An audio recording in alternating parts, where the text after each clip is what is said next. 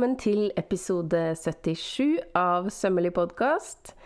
I dag har vi en eh, skikkelig godbit til dere, nemlig Bokbad av eh, Veronica Glitch sin eh, nye bok. Gratulerer, Veronica! Takk! veldig, veldig stas å endelig få skrevet ned og tatt bilde av og delt uh, masse av min kunnskap og erfaringskunnskap som jeg har lyst til at alle tyere kan, skal få ta del i. Ja. Så kult. Altså, boka heter jo 'Lær å sy', 'Skjørt', 'Målsøm', 'Mønsterkonstruksjon' og 'Redesign'. Og så står det sånn fint eh, litt lenger ned 'Volum 1'. ja, altså det var jo rett og slett sånn at jeg tenkte i utgangspunktet at jeg skulle lage én bok. Eh, hvor jeg tok for meg alle de ja, hovedplaggtypene. Da, sånn som eh, overdelsplagg, kjoler, bukser, fora, jakker, ytterjakker, eh, skjørt. Eh, og også da jersey-klær, for det er jo en egen gren i mønsterkonstruksjonen som hører til strikka materialer. Sant? Um, og det, det, skjønte jeg fort at det var veldig ambisiøst å rekke gjennom når jeg da ville både lære bort uh, mønsterkonstruksjon, tilpasning til ulike kroppsformer og uh, design, uh, altså egne design og gjøre mønster på det. Og så svømmeteknikk. Og så vil jeg jo ha en redesignskole på slutten òg, med noe modelleringsteknikk. Og, altså, ja. og så alle plaggtypene i én bok, det sprengte jo bokkonseptet fullstendig. Ja, det går jo ikke, rett og slett. Nei. Nei. Så Derfor så fant jeg ut at uh, i og med at jeg gjerne vil gå eh, litt grundig til verks jeg, jeg vil ikke skremme bort nybegynnerne, men nybegynnerne de må jo ha en porsjon tålmodighet hvis de vil gå i kast med boka mi, fordi den er såpass grundig at uh, du lærer så masse triks hele tiden. At uh, uh, hvis du er helt fersk, så må du på en måte bare gjøre en, altså ett og ett skritt akkurat sånn som det står der. og så finner du ut av det som nybegynner også. Men jeg ville jo også veldig gjerne gi noe mat til de som hadde sydd litt fra før. Fordi sånn som jeg mm. opplever det, så er det ikke så veldig mye litteratur når du kommer litt høyere opp i nivå, da. Ja. Det er, og det er jo sikkert mange der ute som syns det er superdeilig å endelig få en bok i fanget der man liksom kan ta det et steg videre, sånn som du sier. Mm. Mm. Kult. Hvor mange, hvor, ja, hvor mange, bøker blir det til slutt? Vi har bare snakka om det her, at det blir jo en sånn liten avdeling i bokhylla med sånn bind 1, bind 2, bind 3, bind 4, sånn som vi hadde med leksikon før i tida. Ja. Egentlig så drømte jeg om å ha sånn, eh, et sånt sammenhengende bilde. vet du, Sånn som eh, sønnen min sine Donald Pockets. vet du, så er det jo sånn, ja. litt sånn salgs, salgstriks på en måte at eh, hvis du har alle pocketene i serien, så blir det til sammen et bilde i bokhylla på bokrikene. sant? Ja. Men det, det, det, ble dessverre ikke med videre eh, hos eh, forlaget. Men eh, man kan i hvert fall ha den rekka da, med én, to og tre. Mm. Så planen min er at eh, jeg skal jobbe meg gjennom Det blir jo litt sånn eh, bygge på kunnskap eh, også, men hver en, og, en bok skal man kunne bruke i seg selv. Det skal ikke være sånn at man er avhengig av bok én for å kunne bruke bok fire, liksom.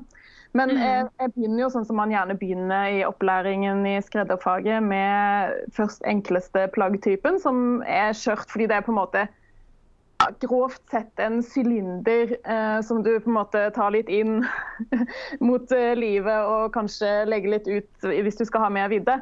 Eh, sånn helt grunnleggende sett, da. Mm. Så er det hakket lettere enn når du begynner å komme til overdelsplagg hvor du både har armene som da skal kunne strekke seg framover og bakover. Og du har eh, for eh, dameskredderfaget du har brystpartiet som skal altså, sant? Eh, hvor man på klær er man jo som regel interessert i at man skal kunne røre seg ganske ledig og, og, fritt i plagget, men man vil jo egentlig ikke ha masse ekstra stoff da, hvis det ikke er et designmessig poeng at du har mye volum. Og, og, Det er jo egentlig litt sånn hele tiden en sånn balansegang, fordi ja, du vil ha mulighet til å bevege deg, men når du jobber med faste vevde stoffer, da, så så betyr det at skal du kunne bevege deg, så må det være en fold et eller annet sted som gir deg den bevegelsesmuligheten. Sant? Så det er klart at eh, Sånn sett så er skjørt det enkleste plagget. Og så eh, bok to, da, så blir det jo da lær å sy overdeler. Eh, og også igjen målelse, mønsterkonstruksjon, redesign. Jeg har tenkt å bygge opp bøkene på ganske lik måte som nå den første mm. skjørtboka. Mm. Og så blir det jo da å bygge sammen, eh, for jeg jobber jo med utgangspunkt i grunnformene, som jo er et sånt Jeg tenker at det er et eh, skall rundt kroppen vår, eh, oversatte klær. Altså ikke helt klistra inntil huden, men det fins bevegelsesvidde i grunnformene osv. Men, men grunnformene har jo ikke noe spesielt design eller at de skal se ut på noen bestemt måte. De er på en måte noe som hyller inn kroppen. Eh, men man kan bevege seg i dem. Og Da eh, har man jo da i, bok, i skjørtboka lært å måltilpasse grunnform skjørt, og i eh, overdelsboken så skal man da lære å måltilpasse grunnform overdel. og Så blir jo de to måltilpassa grunnformene kobla sammen til skjørtgrunnform da, sant, i den tredje boka. Eh, nei, mm. kjolegrunnform, beklager. Skjørt og overdel kobles sammen til kjolegrunnform i Lær å sy kjoler, som blir tredje boka. Mm. mm. Ja. Og så blir det jo da ja, så blir det jo bukse, da, sånn som jo mange vet at det er litt utfordrende å tilpasse til mange forskjellige kroppsformer. Som blir fjerde mm. boka. Og, og bukse, det er, jo, det er, jo, ikke så rart egentlig. fordi at eh, en helt klassisk bukse har jo et flatt stikkestoff på frambuksebenet og et flatt stikkestoff på bakbuksebenet. Men disse her to flate stoffstykkene, når vi syr de sammen, så forventer vi jo at de skal forme seg helst uten folder og legg. Både rundt på en måte lår og legg, som er ja, sylinderforma i grunnen, men også rundt de to rumpeballene, som er jo kuleforma. Eh, og så kanskje det kommer også en mage litt høyere opp. Som, og alt dette her vil vi få til med de her to flate stoffstykkene. Og eh, mm. når det da ikke er noe stretch i materialet, så vil vi helst ikke at det skal være noe bevegelsesfolder og synlig der, men vi skal kunne sette oss ned i buksa uten at vi får eh, rørleggersprekk. Altså, det er masse forventninger til uh, hva, hva, et buksemønster skal levere på, egentlig. Så det er mm. klart at Der må man virkelig ta finessene i skredderfaget i bruk da, for å få til bra passform. Mm. Mm. Du har jo lagt opp til ganske mye jobb i åra framover, eh, Veronica. jeg føler jeg kan si det med sikkerhet, ettersom jeg har litt erfaring der sjøl. Ja, du, det kan du trygt si. altså. Og jeg eh, syns jo at jeg er litt vågal og freidig som bare sier at eh, det er en serie som består av seks bøker, liksom. Mm. Fordi at Nå har du sagt det, sant? det har jeg sagt. Men det er jo noe med det der som dere sikkert uh, kjenner til òg, at har man sagt det, så, uh, så, så, forplikter det jo på en måte også. Mm. Så uh, det blir også litt en sånn drahjelp til å faktisk gjennomføre. Mm. Og så er det jo viktig å huske at folk vil deg vel, så trenger du en pause inni der, så tar du den pausa inni der. Det skal ikke gå på helsa løs. Og, men da med andre ord så er du faktisk motivert til å gå inn på et, uh, en ny bok. Altså inn i det store prosjektet. Du føler liksom at det, det gjør du gjerne igjen uh, snart? Ja, uh, jeg har jo denne både delings- og formidlingsiveren som altså, når jeg blir spurt om det så, uh, forleden nå, journalist liksom bare ja, men hvorfor, hvorfor vil du så gjerne sånt, altså. er du gal, eller hva er det? Ja, ja, men, uh, og så gjør jeg jo masse gratis ting også, og så videre. Sant? Og så var jeg sånn nei, hvorfor gjør du det der gratis, liksom? Og så, sånn, ja, men uh, altså For meg så henger det grunnleggende sett sammen med Jeg har jo en sånn grunnleggende hva skal man si, ideologi, eller litt det som gir meg mening med de aktivitetene som jeg velger å fylle livet mitt med. For at det skal være meningsfullt for meg, så ønsker jeg å være med til å bidra til en mer bærekraftig klesproduksjon. Det ligger liksom så veldig rota i meg, da. sant? Mm. Eh, og jeg hadde liksom mista litt mening hvis jeg ikke hele tiden hadde det for øye. Eh, å bidra til at vi kan bli mer sjølberga i Norge på bekledning, som jo tross alt er en av primærbehovene våre, sammen med mat og tak over hodet. Og, og da da blir det liksom et ekstra lag av motivasjon. Sant? Det er liksom ikke bare jeg personlig som har lyst til å lage en bok, men det er det at hvis jeg kan bidra til at flere opprettholder kunnskapen og håndverket, og eh, liksom eh, samle erfaringer innad i Norge, og også i, eh, ned til mindre lokalsamfunn. Dette her å eh, lage de klærne som vi faktisk trenger. da Um, så tenker jeg at det er et skritt, da. Et bidrag i den retningen at eh, vi i Norge kan bli mer sjølberga på klær. Og det mm. gir meg jo en sånn ekstra driv, da. Da er det på en måte ikke bare et personlig prosjekt. Jeg er helt enig. Helt enig var en god konklusjon her, Mari. Altså, nå damer, vi skravla går jo. Kan jeg bare trekke oss litt tilbake? Fordi vi fikk liksom fem bøker. Og så den siste boka, det var Jersey, sant? Veronica? Ja, ja fordi at etter ja. bukse så kommer jo jakker, da. Eller sant, både draktjakker, kåper, ytterjakker, altså helfora jakker. Ja. Eh, og så etter det så tenkte jeg jo da sjette boka måtte være Jersey. fordi at eh, det er noe med at eh, når det gjelder mønsterkonstruksjon og passformtilpasning, så mm. eh, det er jo veldig mange som begynner med Jersey, fordi at det er på en måte forholdsvis enkelt å sy. Kan det være, i hvert fall. Um, men så er det noe med at skal man virkelig lage bra mønstre og utfolde seg designmessig, også på jerseyplagg som på en måte går utover det helt klassiske, enkle, så krever det en del kunnskap. da. Så Det er derfor jeg har mm. venta med den til slutt. Mm. Så gøy. Så da får også jersey-nerdene liksom eh, litt påfyll her etter hvert? Mm. Ja, for det, det, er jo noe med at uh, hvis du skal lage en enkel singlet f.eks., så i jersey så uh, Ja, det som gjør det enkelt, er at du har sidesømmer og så har du noen små skuldersømmer ved stroppene. Men du har også bare det, da. Uh, og selv om det strikka materialet strekker seg ut i bredden, så er det fortsatt for damer pupper foran og ikke bak. Så brystet mm. drar jo da av høyden til plagget og også av bredden, mens ryggen ikke gjør det. Um, så det er jo på en måte det der å, å få sånn motvirke at det da blir en sånn remse av eh, tversliggende folder i korsryggen som de aller fleste har. Altså Hvis du bare ser deg sjøl i speilet i en jersey singlet, så vil jeg tippe at du får noen folder i korsryggen. Um, mm. så, ja, så det, og så vil man helst ikke det, osv. Så, videre, sånn. så det er ja, jersey er litt sånn kinkig hvis man skal lage veldig bra mønstre til det. Mm. Mm. Kult. Alle syere gleder seg. Oh. Ja. Og for å fokusere litt da på denne boka som eh, nå finnes tilgjengelig, fordi nå tenker alle sånn Å, de bøkene gleder jeg meg til. Men heldigvis ja. så er det jo en bok de faktisk kan få tak i allerede nå.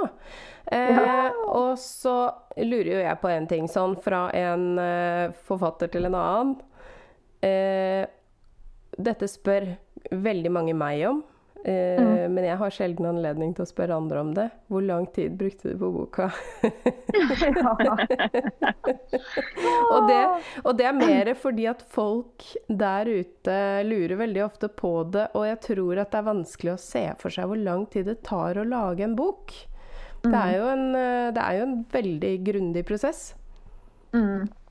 Og da er det klart at eh, Jeg måtte gjøre et overslag, for det var en journalist som spurte meg om det forleden. Eh, og, da kommer det jo også litt an på hvor grundig du går til verks. fordi at eh, Jeg har jo flere sekvenser som er sånn inspirasjonsbilder, hvor jeg har tatt bilder fra mine 14 eh, kolleksjoner som jeg har gjort under Rethink.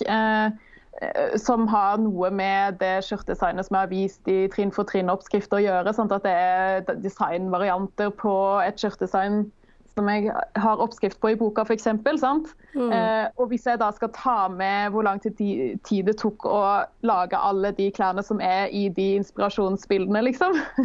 det må du. ja, ja, fordi at det er, det er, et faktum, eh, faktisk. fordi at uh, neste bok så har jeg ikke like mye å ta av. Så da må jeg jo uh, Jeg skal jo ha inspirasjonsdel der òg, så da må jeg jo lage opp en del nye designvariasjoner rundt uh, hoveddelsplagg som jeg viser. Så jeg kom fram til at det er flere tusen timer. Mm. Mm. Det er ja. Bare sånn for å ha det på det rene. Eh, for jeg vet jo hvor mye jobb det er å lage bøker. Eh, så det er liksom Det er bare for å gi deg litt sånn Nå kan alle bare la det synke inn. At dette mm. arbeidet har du gjort, og det er Ja. Det er jo alle som sitter med boka i hendene, veldig takknemlige for. Det er en veldig grundig bok.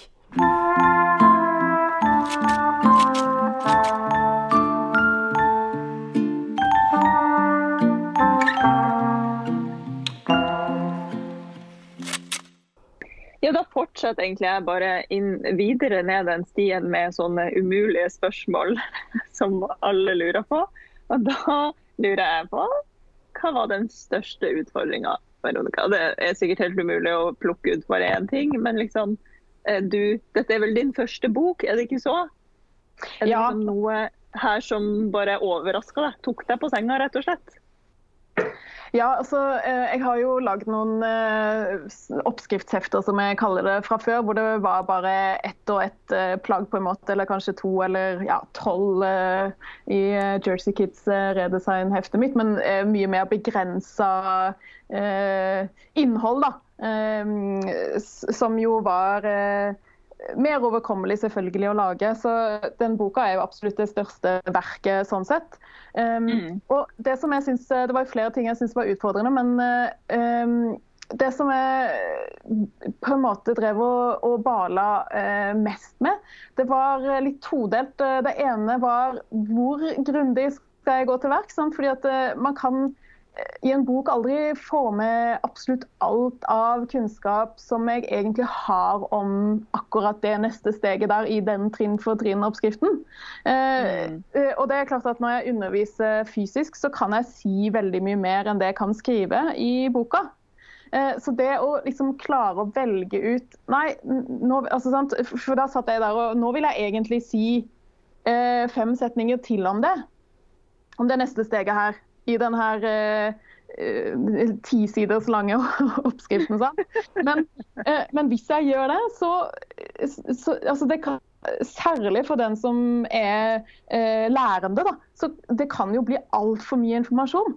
Så du, du, klarer ikke ta inn det hvis jeg bare kommer med den, den og den detaljen. og ja, men hvis du vil sånn, så skjer det og det, og da kommer altså, det, det går liksom ikke. Så, så det å klare å både gå grundig til verks, men allikevel utelukke ting som jeg egentlig syns var veldig viktig.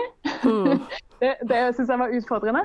Og så eh, Det andre store utfordringen det var jo nettopp dette her med eh, hvordan vise eh, kroppsformtilpasning, innprøving. altså sant? Fordi, det, fordi det, det, er jo noe med at eh, det er lett at man vil pynte på prosessen sin etterpå. Sånn for Man står der og utvikler et plagg, og så gjør man jo masse forbedringer underveis. Både når man tegner mønsteret, når man tester mønsteret på kropp, når man eh, har klippet og gjør innprøving i stoff. Eh, og så fant jeg ut at ja, men jeg må, jeg må jo vise altså, eh, Hvis noen skal kunne lære av det, så må jeg jo vise akkurat når jeg gjør det. Sånn, jeg, kan ikke, jeg kan ikke liksom først lage plagget, og så å ja, men jeg var ikke så fornøyd med den formen der. Nei, det ble litt posete der, så det, det tar jeg vekk. Også. Altså, hvis jeg liksom hadde perfeksjonert eh, prosessen min da, og så lagd oppskrift, som er egentlig det man vanligvis gjør, da, så hadde jo ikke jeg hatt sjanse til å lære bort hva, hva, man gjør da. Når man retter på ting underveis og forbedrer passform og eh, endrer på designet kanskje og sånn. sant? Mm. Så det, det synes jeg var krevende. Og så var det jo også litt sånn eh, For da endte jeg jo opp med at nei, men jeg må gå omveien, da. Um, og det er i det Tanja seleskjørtet man ser det egentlig aller best av de oppskriftene. fordi at det, um, uh, Der var det liksom mest å forandre uh, på innprøvinga. Mm. Fordi uh, de to andre skjørtene som jeg viser hele prosessen på, så, så, var det liksom Det var ikke så veldig mye å forandre på. Eh, Annika-skjørtet så var det litt eh, tilpasning ved korsryggen og sånn, men eh, eh, Sofie-skjørtet var liksom Da var det ikke så mye. Så der er det mer at jeg viser at eh, nå skal du gjøre en innprøving. Sånn her så det ut når jeg gjorde innprøvingen. Og så ser jeg ikke noe som eh, var feil i denne omgang, så da går vi videre, på en måte. sant? Um, fordi at Vanligvis så får du jo ikke beskjed i oppskrifter om at, uh, at du skal på en måte bare sy sammen sånn at plagget henger sammen, eller eventuelt nåle. Uh, og så så fort som mulig ta en innprøving. Og hva du skal gjøre da, det, det får du jo som regel ikke beskjed om. Mm. Mm. Det tror jeg sikkert mange setter sykt pris på at du viser så nøye i den boka. At, uh, ja, at det er jo en veldig viktig mellomstasjon der fra start til slutt. Mm. Så mange eh, jeg tror ikke, i hvert fall nybegynnere ikke er klar over at å ja, må jeg sprette plagget opp igjen før det mm. kan bli ferdig, liksom. Ja, mm. det må du ofte. Mm. Tilpasninger er jo det som Å ja, unnskyld. Nei da, kjør Mari, ja, kjør. Tilpasninger er jo også noe av det som uh, virkelig gjør forskjellen. Som gjør også at plagget blir uh, så fantastisk som det kan bli, og at man faktisk mm. bruker det.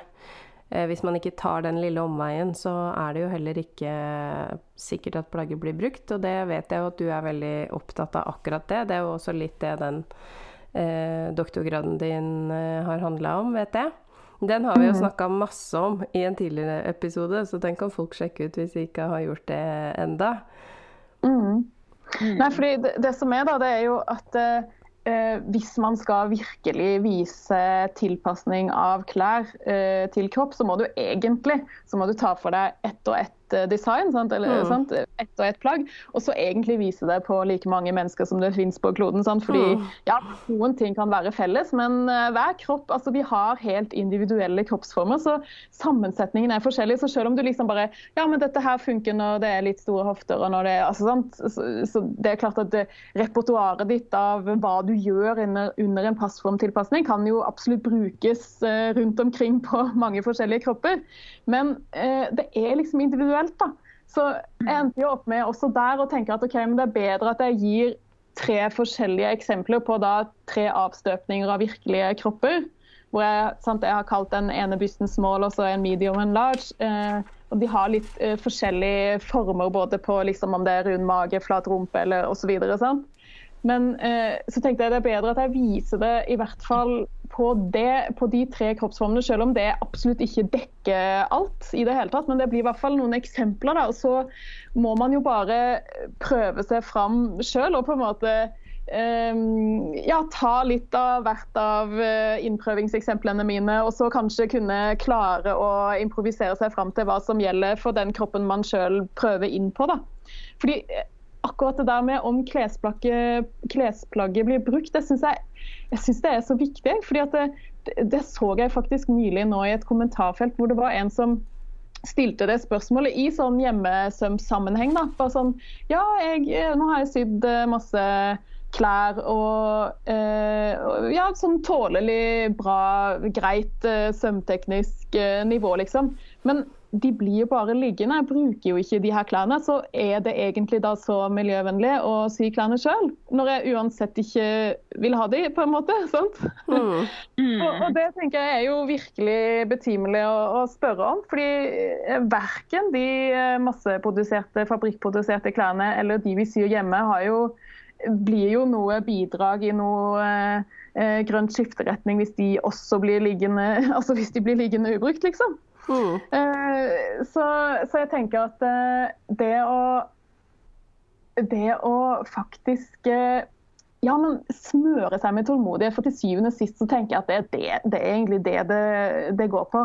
Og selv om du da har sydd på en måte litt for langt, da, uh, før du kanskje oppdager at oi, men sånn her syns jeg jo ikke det ser fint ut på meg, så bare OK, ta deg en kopp kaffe, sant? ta, eller hva du trenger for å ta en pause.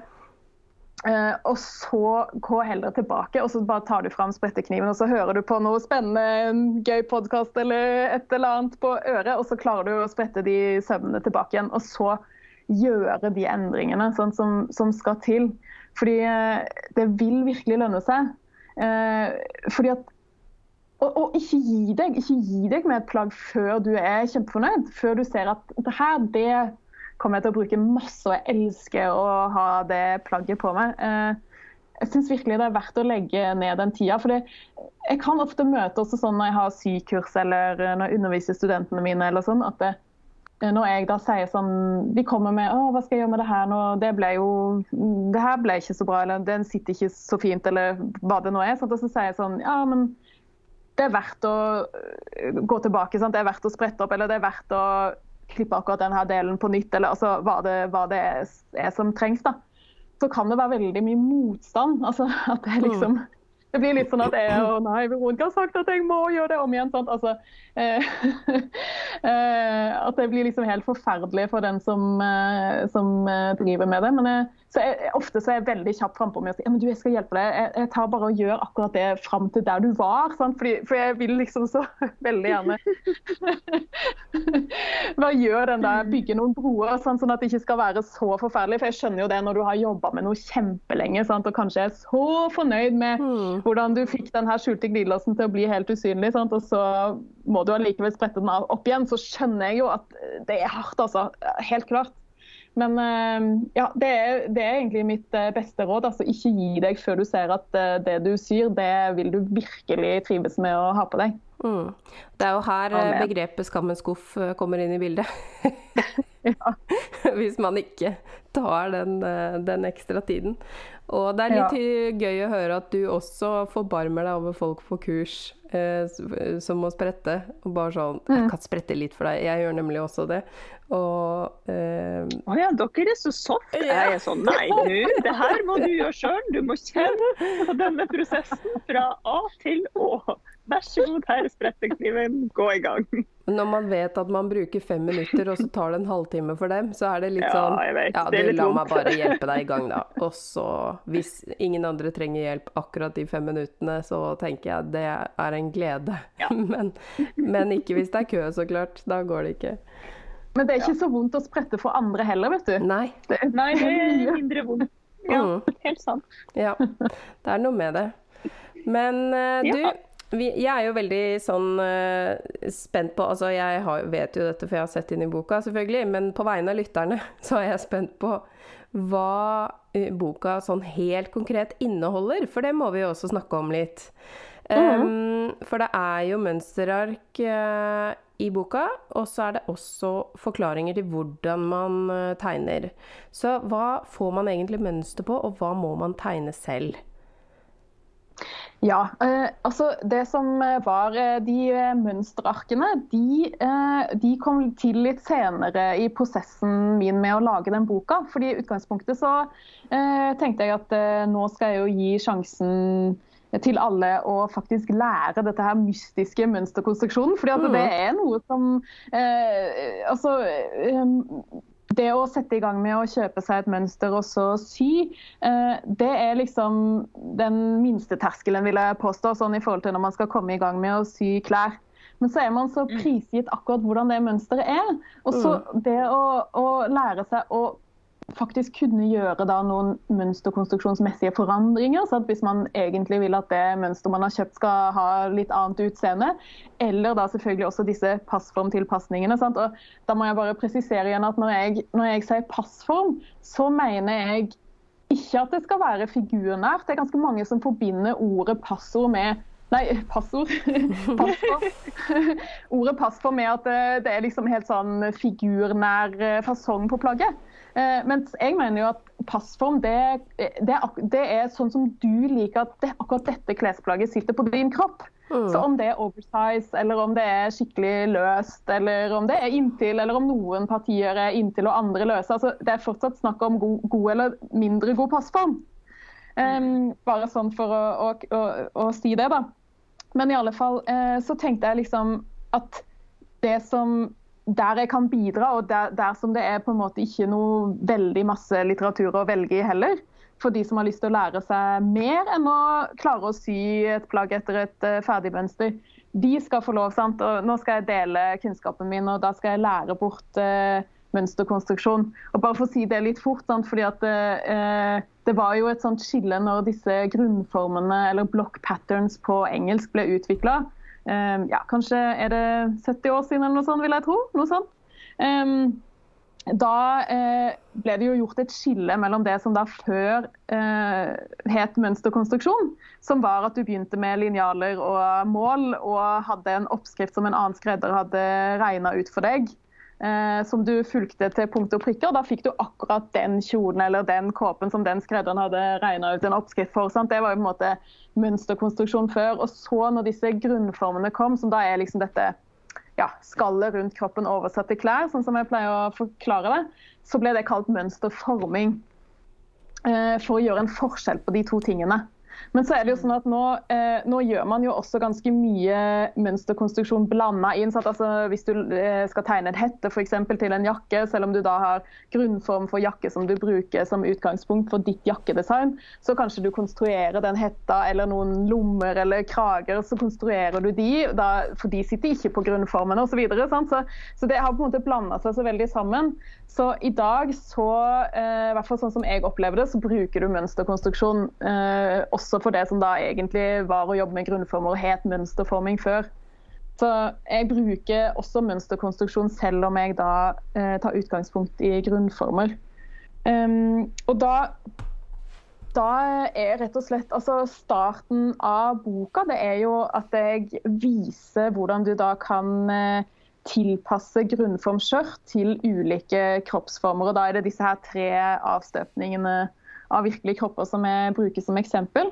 Eh, og hvilke grunnformer du bruker, eh, det er egentlig det samme. Sånn du, eh, eh, men det er klart du, du, trenger et sett med grunnformer. Men jeg tenker at hvis du skal lære deg å tegne mønstre, så trenger du det uansett. For det er klart at ja, Du kan gå tilbake til eh, læreboka for dameskredderfaget fra 40-tallet og bruke de oppskriftene som er regna ut. Men da får du jo akkurat den kåpen eller akkurat den kjolen, og så må du uansett vite hvordan du skal forandre det mønsteret du da har tegna til det designet du egentlig ønsker deg. Eller så er det klart du kan også tegne etter oppskrift og grunnformer eh, selv.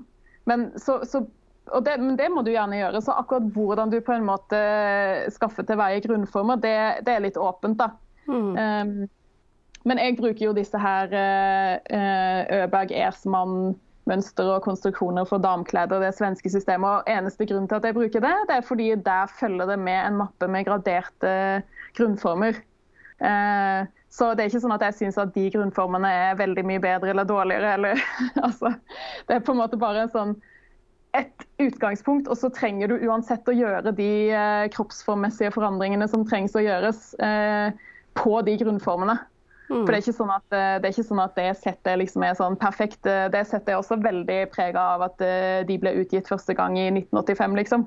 Så du mm. ser hele 80-90-tallsmoten også i de grunnformene. da. Ja.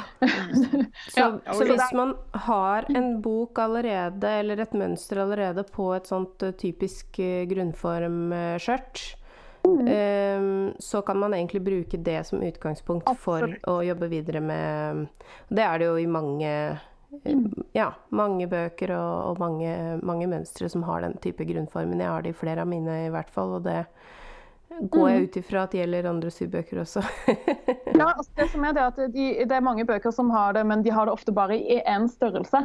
Akkurat når det gjelder mm. grunnskjørt, mm. så har de liksom f.eks. i størrelse 38 eller mm. ja, så, eh, men du vet jeg har jo eh, gradert også grunnformer. Så mm. dine bøker kan man helt sikkert eh, gjerne bruke som utgangspunkt. Mm. Mm. Ja, og nå, nå, var det ikke meninga å snike inn noe egenreklame, men jeg bare prøvde å si at mange, mange kanskje sitter med dette eh, skjørtet hjemme uten å vite ja. det. At da ja, kan de sjekke det. Mm. Etter et helt sånn klassisk enkelt rett skjørt med innsnitt, så har du det. Mm. Mm. mm. Ja. Så, så så da viser jeg jo hvordan du overfører sant, innprøving av lerretsmodell, hva du skal se etter da, og hvordan du fører da de innrettingene du har gjort på lerretsmodellen tilbake til papirmønsteret. For det er jo veldig viktig at papirmønsteret alltid følger med klesplagget du holder på å sy. Så eh, hvis du gjør forandringer i klesplagget på kropp, så er det veldig lurt å passe på å overføre det tilbake til mønsteret. For ellers så vil mønsteret ikke stemme lenger. Og mm. Da er det fort at du må gjøre hele jobben en gang til når, hvis du skal ta utgangspunkt i noe som ligner på det plagget du har sydd en gang tidligere. sant? Så mm. det lønner seg veldig det å, å hele tiden la mønsteret følge med, da. Ja. Ops, ops. Ja. Og så eh, kommer jo den delen hvor jeg viser hele prosessen. Både da med å tegne ulike skjørtdesign med utgangspunkt i det her måltilpassa grunnmønsteret. Eh, og, da, eh, og, da, også via innprøving og tilbakeføring til mønsteret, selvfølgelig, som nettopp sa. Og så hele sømteknikken da fram til eh, ferdig skjørt. Og da er det da disse tre skjørtene, da Tanja seleskjørt og Sofie-skjørtet og Annika-skjørtet, som er sånne eksempler som jeg tar med eh, gjennom hele prosessen. Og de skjørtene, for det er en del som, eh, som har liksom spurt sånn Ja, men hvorfor ser de akkurat ut sånn? Eller ja, men jeg liker ikke sånn skjørt med sånn folder, eller altså sant. Eh, så de skjørtene de designa rett og slett for å få med ulike momenter, både i mønsterkonstruksjon og på svømmeteknikken, som mm. jeg hadde lyst til å lære bort. Så det er ikke sånn at eh, jeg tenkte ikke at det skulle være et spesielt eh, kule design, sånn egentlig. Mm. det er en del som tenker det. Jeg tenkte bare OK, jeg vil lære bort det her. Um, altså F.eks. hvordan uh, få til folder som starter i ingenting. Sånn som man har på Sofie-skjørtet. Der er det uh, smalt nederst, og så kommer det ut volum over hoftene. Mm. Uh, det vil jeg vise i mønsterkonstruksjonen. sant? Eller jeg ville vise hvordan du kunne forhøye livet på et skjørt. Eh, som det gikk forbi eh, der du måler kroppsmålet livvidde. Så det fins i Tanja Seleskjørtet. Eller i Annika-skjørtet så vil jeg vise hvordan du kan putte formen som, kan, som ligger i innsnittet på grunnformen, inn i sømmer istedenfor, som kan være med på å lage et design. Så der er det jo sånn bua linjer bakover rumpa, f.eks. Så, um, og så var det jo også det med uh, de sømtekniske tingene. Da, at uh, det er både disse uh, fora gåfoldene som ikke har en eneste synlig søm for retta, f.eks., som fins i det i Annika-skjørtet, eller da en formklippet fall på Tanja seleskjørt som når du får skjørt med litt vidde, så går det ikke an å bare brette opp. Eh, for da har du en bua linje nederst på skjørtet, og buede linjer eh, blir ikke fint å brette opp som fall. Da blir det bare altfor mye stoff øverst på fallen. Mm. Så, ja. så, så, det er det som har bestemt designet på de uh, skjørtene. Så jeg tenker at det, eller der er håpet mitt òg, at folk kan plukke litt. sant? plukke litt derfra og litt derfra, og endre litt. Og vie det ut og ta inn og alt etter som de vil. Eh, mm. For å mm. lage akkurat sine skjørtdesign. Og så kan jo disse prinsippene faktisk brukes på andre plagg òg. Det er jo det som er så gøy, sånn som det tulipanskjørtet som jeg kaller det, da, det som vies ut mm. eh, oppover. Det kan man jo mm. gjøre på et erme eller på en bukse eller ja. eh, Hvis man ikke klarer å vente på de neste bøkene, så kan mm. man jo leke seg litt på egen hånd òg. Eh, mm. Eller man kan ha den her eh, som er på seleskjørtet. Det kan jo være øverst på en bukse, kanskje, eller mm. um, og, Men jeg må også bare spørre om en liten ting. Disse mm. navnene, er de oppkalt ja. etter reelle personer? For det syns jeg alltid er litt gøy. Ja, der er det jo blanding. Altså, jeg fant jo ut at uh, For først så hadde ikke de navn. Uh, de het bare skjørt med folder. og mm. altså, Så fant ut at det blir litt vanskelig å kommunisere, så jeg fant ut at jeg måtte gripe til Ikea-systemet jeg òg, da. Mm. Uh, hvor vi jo har Ivar-hyller osv. Så, videre, sant? Mm. så og da eh, er det jo altså Tanja Seleskjørt er oppkalt etter eh, forrige lærlingen som jeg hadde, som heter Tanja. og Det er også hun som er modell på bildet. Og hun er jo den eneste som jeg kjenner som var eh, slank nok til den minste, minste bysten. um, og så er det Sofie-skjørtet er også uh, modellens uh, navn. Mm. Og det samme med Annika-skjørtet, da, som er også Annika som er på bildet. Men så har jeg jo også en del andre eh, skjørtmodeller, og der er det noen av de som kommer fra de tidligere kolleksjonene mine, gjerne.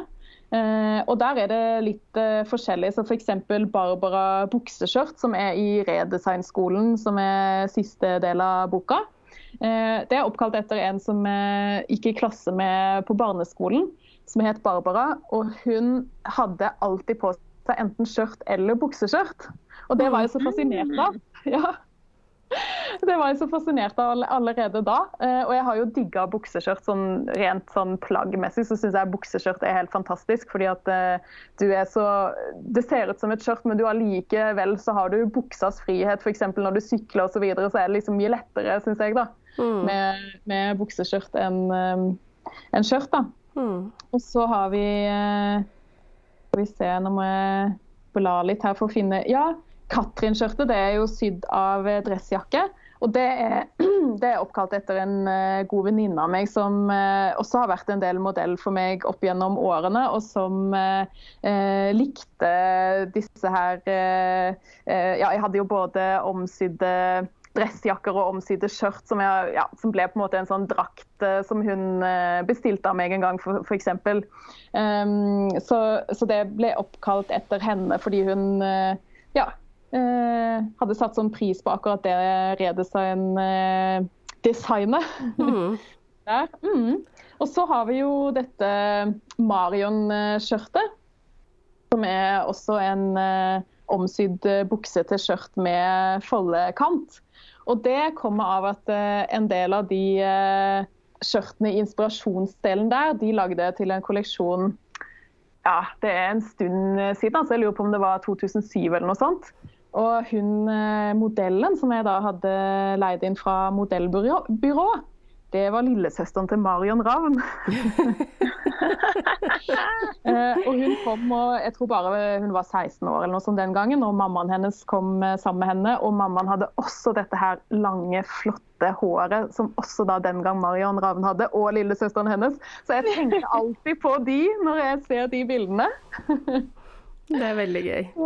Ja, og så, eh, ja, Celine-skjørtet. Det, det, er også en bukse med sånn eh, rynkestrikk i siden, sånn at det blir et kort skjørt, selv om det er egentlig er en lang bukse som er rynket opp i sidesømmene. Mm. Det kommer også av eh, ja, det er, Så det er oppkalt etter personer som jeg kjenner, eller assosiasjoner til skjørtdesignet, da. Mm.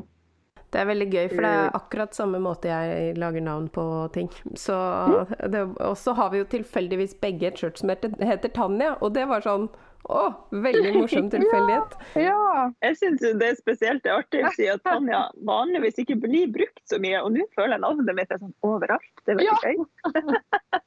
ja, så du kan jo sy både Tanja Seleskjørte og Mari sitt uh, Tanja-skjørt. Og bare ja, det er Tanja-skjørt, dette her, det er, det til deg.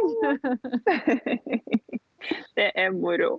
Nå sitter jeg jo her med boka i fanget og kjenner liksom eh, lukta av ny bok.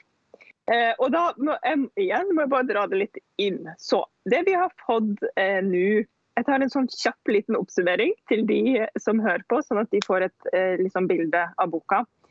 Så altså I starten eh, så går Veronica gjennom måltaking og disse tre bystene som hun har pratet om, som er støpt av ordentlige mensch. Og så eh, har jo faktisk boka en liten trudelutt om det med trådretning og merking og klipping og sånn. At du går gjennom det også. Og så er det disse grunnformene som du prøver inn på disse tre bystene. Eh, og disse her tre skjørtene som du har nevnt nå. Tanja, Sofie og Annika. Og det er mm. disse tre du har på mønsterarkene, er det det? Ja, fordi at eh, da kan jeg trekke tilbake hvorfor det ble mønsterark. Fordi jeg tenkte at det, det er jo ikke alle som orker å gå den veien om å lære seg å måltilpasse grunnform, og så lære seg hele mønsterkonstruksjonsdelen. Det, det, kan mm. jo også være noen som eh, egentlig mest eh, syns det er gøy å sy, fordi det møter jeg stadig vekk på folk som egentlig syns at det med mønsterkonstruksjon og tilpasning bare er sånn der herk. Og så koser de seg egentlig mest med sømmen. Og da tenkte jeg ja, men jeg vil jo også eh, Jeg vil jo ikke skremme bort de. Så da eh, tok jeg og lagde mønsterark som er de graderingene som jeg gjorde til altså De er måltilpassa til de tre forskjellige kroppsformene. Som man mm. også kan lære å, å tegne hele veien sjøl, da. Mm.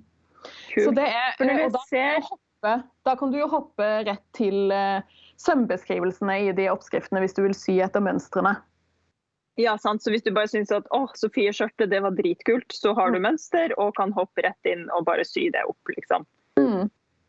Ja, og det, det jeg syns er koseligst her, Veronica, det må jeg bare si, er jo at de mønsterarkene er liksom tegna av deg, ikke på datamaskin. Det syns jeg er så fint, for da føler jeg liksom at jeg har ja, jeg har en liten bit av deg med meg i denne boka. Ja, sånn, det er veldig direkte, jeg har en veldig stor bit av deg i hele boka. Men bare det å se liksom håndskrift og din strek syns jeg var veldig sjarmerende. Vet du hva, Det er veldig koselig at du sier det, for jeg beundrer jo Mari, som har så proffe uh, illustrator-mønstre. Og tenkte bare at åh, nei, nå må jeg bare være ærlig om uh, hvor jeg står. Og det blir håndtegna mønstre, fordi jeg har ikke lært meg å tegne fort nok og bra nok. Jeg kan det bare litt for dårlig uh, å få det digitalisert. Så da, uh, da, måtte det bli uh, håndtegnet. Og så er det jo ekstra gøy å høre Tanja, da, at du faktisk syns at det er koselig. ja, jeg syns det var sånn fantastisk personlig preg. Og det snakka litt jeg og Mari om også. at nå, det, ja, den høsten her blir jo sånn ren sybokhøst. Det kommer jo så mange bøker. Men jeg syns liksom hver bok er er så fint. fordi eh, det faget er jo så personlig, og hvordan vi forklarer ting er så personlig. Og bare sånne små detaljer som ja, hvordan løser man det mønsterarket? Jeg syns det er helt nydelig å se alle mulige tilnærminger til uh, å forklare et uh, kjært fag. mm. Og som et uh, lite apropos til det Tanja sa nå, så må vi jo også si at uh, det er jo veldig gøy med denne boka å få et lite innblikk i din måte å jobbe på. Fordi mm. som uh, søvnnerder så har man jo alle liksom Alle har testa forskjellige varianter og kanskje landa på en uh, teknikk. Det kan jo noen ganger nesten være tilfeldig eller dagsform. Og bare det å sitte sånn og, og ha tilgang på å bla i Bare å se noen andre hender jobbe og noen andre En annen innfallsvinkel, da. Det syns i hvert fall jeg er skikkelig gøy. Mm. Veldig gøy. Ja, og det er jo også sånn at uh, hver syer, uh, det er hjemmesyer der ute, uh, kommer jo også til å plukke og mikse sant, fra mange forskjellige bøker og YouTube osv. Og, så og, og finne mm. sin måte. Og, og, den utvikler seg jo også hele tiden, også for meg. Sant? For jeg elsker jo utvikling, og jeg vil jo alltid lære mer. Så, så, det måtte jeg skrive også i forordet. at det, det som du ser her nå, det er sånn som jeg jobber akkurat nå. Mm. Men det betyr ikke at, eh, at, det er ikke statisk, sant? fordi jeg, jeg utvikler meg også som fagperson. Mm. Det syns jeg var veldig gøy at du skrev, det la jeg merke til. Mm. Så, men så har jeg jo da også tatt med Jeg har jo kalt det Mønsterkonstruksjonsskolen og Sømteknikkskolen og Redesignskolen til slutt. Eh, hvor det er mer sånn trinn for trinn oppskrifter som er eh, ikke en hel prosess. Altså fra tegning av akkurat det designet via innprøving på kropp til eh, sømteknisk ferdig skjørt. Men hvor jeg viser mer sånn, litt mer sånn eksempler eller Ja, man kan eh, både i, i mønsterkonstruksjon så viser jeg to eksempler på andre skjørtdesign og hvordan du tegner det da ut ifra grunnformen, bare selve mønsterkonstruksjonen. Eh, og forklare den trinn for trinn. Og så I svømmeteknikkskolen så er det ganske mange oppskrifter som er relatert til skjørt. Og da er det vist bare akkurat det utsnittet. altså F.eks. en lomme eller eh, en eh, gylf, en glidelås eller en paspolert lomme eller disse eh, vrangsydde gåfoldene f.eks. Eh, og Da er det mm. mer som prøvelapper som jeg har vist, men som man jo da selvfølgelig også kan eh, shoppe og mikse inn i et, eh, et f.eks. et ferdigmønster som man allerede har. Hvis man eh, har lyst til å ha lommer på det, og så finnes det ikke lommer. Sånn, så kan du, for da viser jeg også I, i sømteknikkoppskriften så viser jeg også hvordan du tegner mønsterdelene som du trenger til det momentet. da. Hmm. Ja. Og det er, det er veldig gøy. Ja, og det er jo veldig gøy. Vi snakka litt om det at eh, i det kapitlet så er det på en måte en liten smakebit på bukser. At du kan putte inn sånn som uh, gylf, uh, lomma Eh, altså det er to ulike lommer, eh, skrålomme og enkel paspolert lomme. Det kan man jo putte på den enkle buksa man, eh, man, jobber med, sånn, selv om ikke det er en buksebok. Eller man kan putte det inn mm. på eh, mange forskjellige plagg, da, de tingene fra teknikkapitlet. Så det er jo ikke nødvendigvis eh, sånn at man må holde seg til skjørt hele veien. Og det er jo litt fint. Mm. Mm. Absolutt, og det var tanken også. Sant? Fordi det er jo noen som reagerer sånn Skjørt, nei, men det bruker jeg ikke, så da er ikke den boka aktuell for meg, liksom. Mm. Eh, og det skjønner jeg jo, fordi det, det, er ganske mange som ikke trives å gå med skjørt. Altså, jeg, eh, der har jeg jo to innvendinger, da. fordi at jeg mener jo at eh, jeg har veldig ofte erfart at eh, hvis jeg eh, spesialdesigner måltilpasser et skjørt til akkurat en individuell kunde og dens ønsker, så elsker den å gå med det skjørtet. Sant? Så det er jo mm. noe med at jeg skjønner at man ikke liker å gå med skjørt som ikke passer en. Mm. altså, ja. eh, både designmessig og passformmessig. Da, sant? Det må jo være på plass begge deler, og materiale og alt. Men, men uansett, da, mm. eh, jeg tror på at det er noen som ikke liker skjørt også, eh, selv om det hadde vært spesialdesigna. Altså.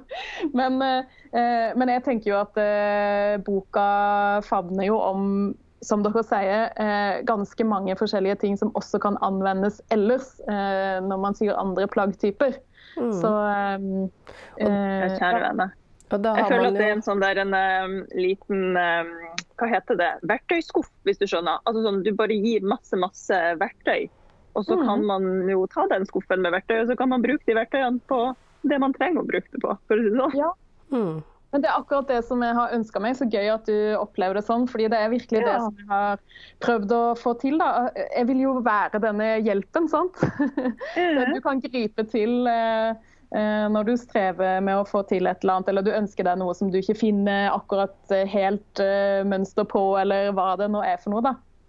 Men så er det jo dette her med at jeg har jo jeg, jo, jeg, vil jo ta vare på ressurser som allerede finnes. altså Klær som blir liggende ubrukte, vil jeg jo veldig gjerne oppdatere, sånn at, kan, at noen vil bruke dem igjen. Eh, og det har jo med det, min, eh, ja, mitt ønske om å kunne bidra eh, til at vi redder kloden da, å gjøre, hvis jeg sier det litt sånn eh, pompøst.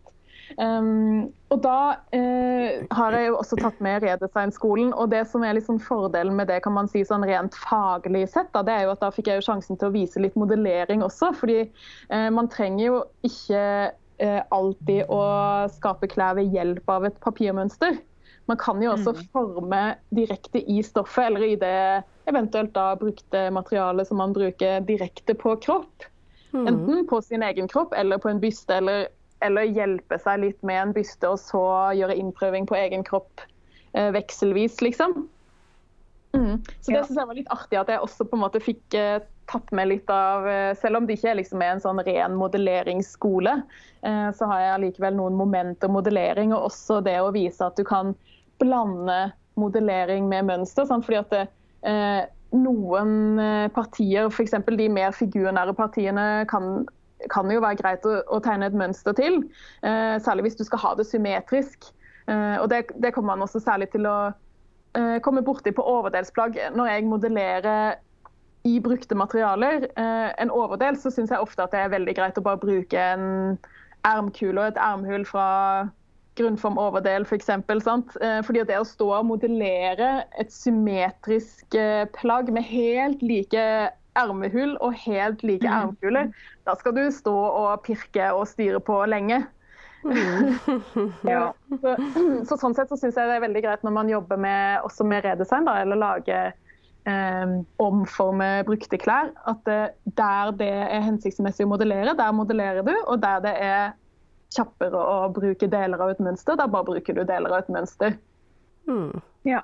Helt enig. Vet du hva, Jeg syns også at det, det, er egentlig helt genialt og så bra at du på en måte har tatt med begge deler. Altså både redesign og det litt mer sånn eh, klassiske sømtekniske og mønsterkonstruksjon i én bok. For da tror jeg at mange kan få, en, altså kan få litt mer sånn um, sidesyn, for å si det sånn. Altså Hvis man kun er opptatt av redesign, så er det jo masse innspo å i det her Redesign-skolen-kapitlet. Og så begynner man kanskje å forville seg inn i de andre kapitlene også, og blir inspirert og får større forståelse for faget, eller motsatt. da. Hvis man på ingen måte bryr seg om redesign, men har lyst til å nerde utover mønsterkonstruksjonen mønsterkonstruksjon eh, her hos deg, og så plutselig havner man liksom på side 134 og bare Å, herregud, for et vakkert skjørt. Å ja, dette er redesign. Ikke sant? Det, mm. det syns jeg er en eh, sneaky og smart måte å opplyse folk på. mm. Og så er det jo det at man kan jo også bruke altså det er jo, Hvis man er opptatt av å gjenbruke tekstiler som allerede er produsert, så, så finnes det jo også eh, metervare der, på en måte. Altså, det mm. kan jo være eh, duker eller gardiner eller eh, sengetøy eller sånne ting som er mer metervareaktig. da som man jo godt kan bruke som metervare og lage mønster til. Mm. Yes, i aller høyeste grad. Ja. Kult! Da håper vi at folk eh, bare kaster seg inn i både modellering og tilpasning og litt konstruksjon og teknikk og Altså, her er det så mye man kan kose seg med. Man kan, man kan begynne helt, helt smått. Eh, eller man kan bare gå all in. Og det er jo fantastisk å kunne få den miksen presentert i en og samme bok. Mm. Enig. Og da må jeg også bare si, Veronica, du sa jo litt sånn at ja, det, det, nybegynnerne må kanskje være litt tålmodige inni her. Men jeg tror vi alle tre vet at noen nybegynnere de er altså helt uh, sugen på å bare gå rett inn i dybden av materien. Ja. Og hvis du hører på og er en sånn nybegynner, this is it. Dette er boka. Go, ja. go, go, go. Vær så god. ja. Jeg blir veldig glad for at dere tar imot boka mi så positivt. Altså. Det er kjempe, kjempegøy. fordi det er jo på sett og vis det skumleste å vise fram boka si til fag, fagfolk. Mm. det, det, er jo eh, kanskje lettere å imponere de som ennå ikke kan alt som står der. Så ja, det kan du si, ja. Veldig takknemlig for at ikke dere bare er slakta fullstendig her nå. Nei, altså, det er viktig å huske på at uh, med denne, dette bokskredet som er denne høsten, så er det jo noe med å vite at uh, man kan se etter forskjellige ting i forskjellige bøker. Uh, og her har man uh, masse liksom, skikkelig spesialiserte ting som vi vel egentlig kan si at de finner man ikke i de andre bøkene, rett og slett. Uh, fordi du har jobba såpass inngående og lenge med dette at det er rett og slett en unik bok som bare du kan ha laget. Og det er jo fantastisk, rett og slett. Veldig gøy. Ja, så supert. Ja, Kjempegøy at du ser sånn på det. fordi da, da har jeg virkelig klart det som jeg ønska å få til. da. Å gi noe til feltet som uh, ikke var der fra før, sant? Uh, mm. men som da også kan dekke opp et behov da. Mm. Uh, til de kunnskapstørste som vil fordype seg. Mm. mm. Fantastisk. Før vi glemmer det nå, for det her er så typisk oss at vi ja. glemmer det. Hvor kan man få tak i boka, Veronica? ja. Eh, det er kjempehyggelig for de som har lyst til å bestille den direkte fra min nettbutikk. Og det finner man jo da på Veronica Glitch, G-L-I-T-S-C-H, og Veronica med K.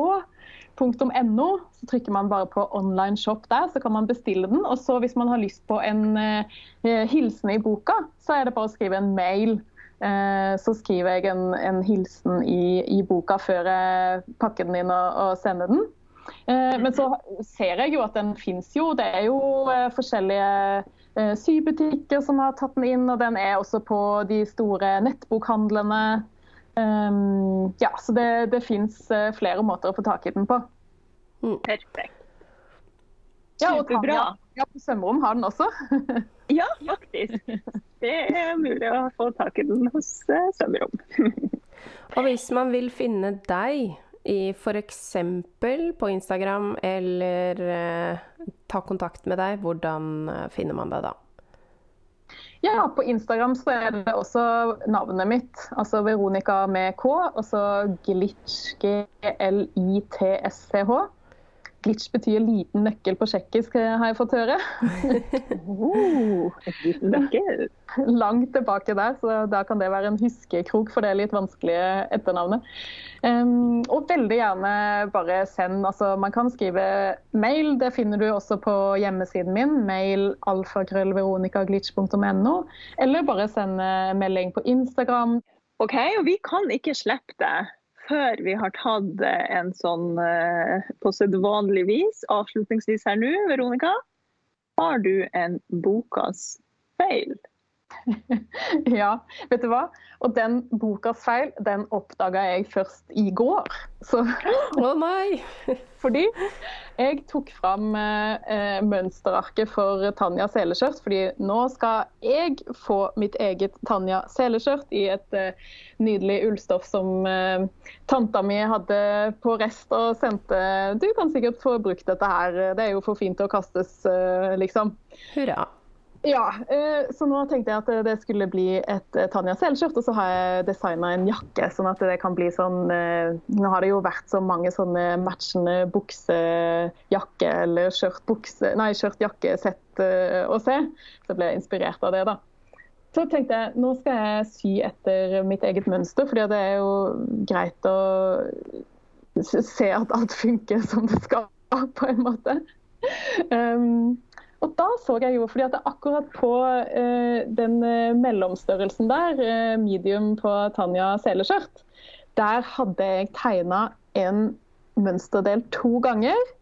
Og så hadde jeg tegna en eh, trådretningspil eh, på en del eh, altså så, på skjørtframstykket, hvor jeg bare hadde rissa opp med sånn stiplelinjer hvor lommeposen treffer på baksiden av framstykket så hadde jeg liksom tegna en trådretningspil inn i den opprissa lomma. Der skulle det jo ikke være noe trådretningspil.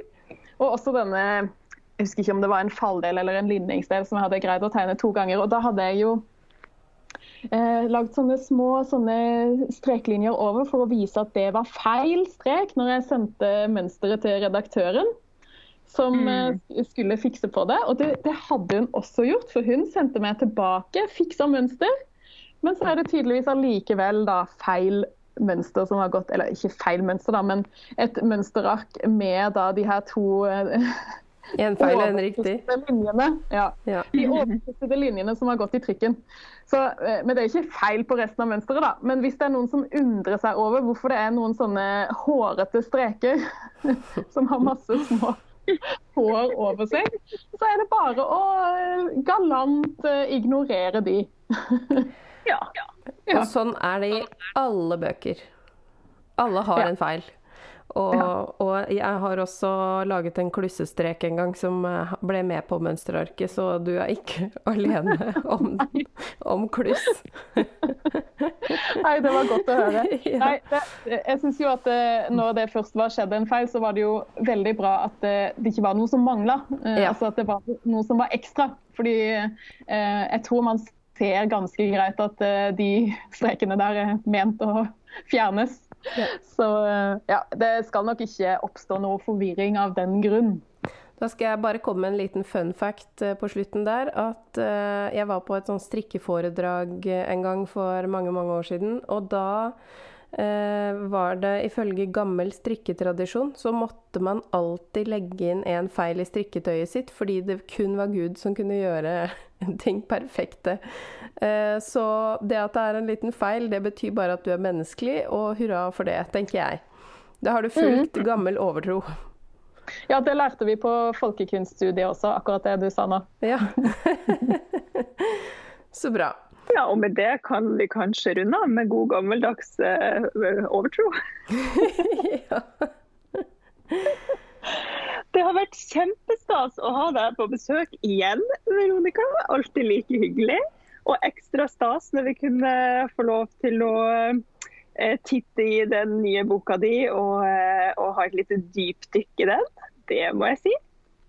Mm. Ja, tusen takk for at dere inviterte meg igjen. Det er så stas å få lov å komme på besøk til Sømmelig podkast. Det setter jeg kjempestor pris på. Det gjør vi også.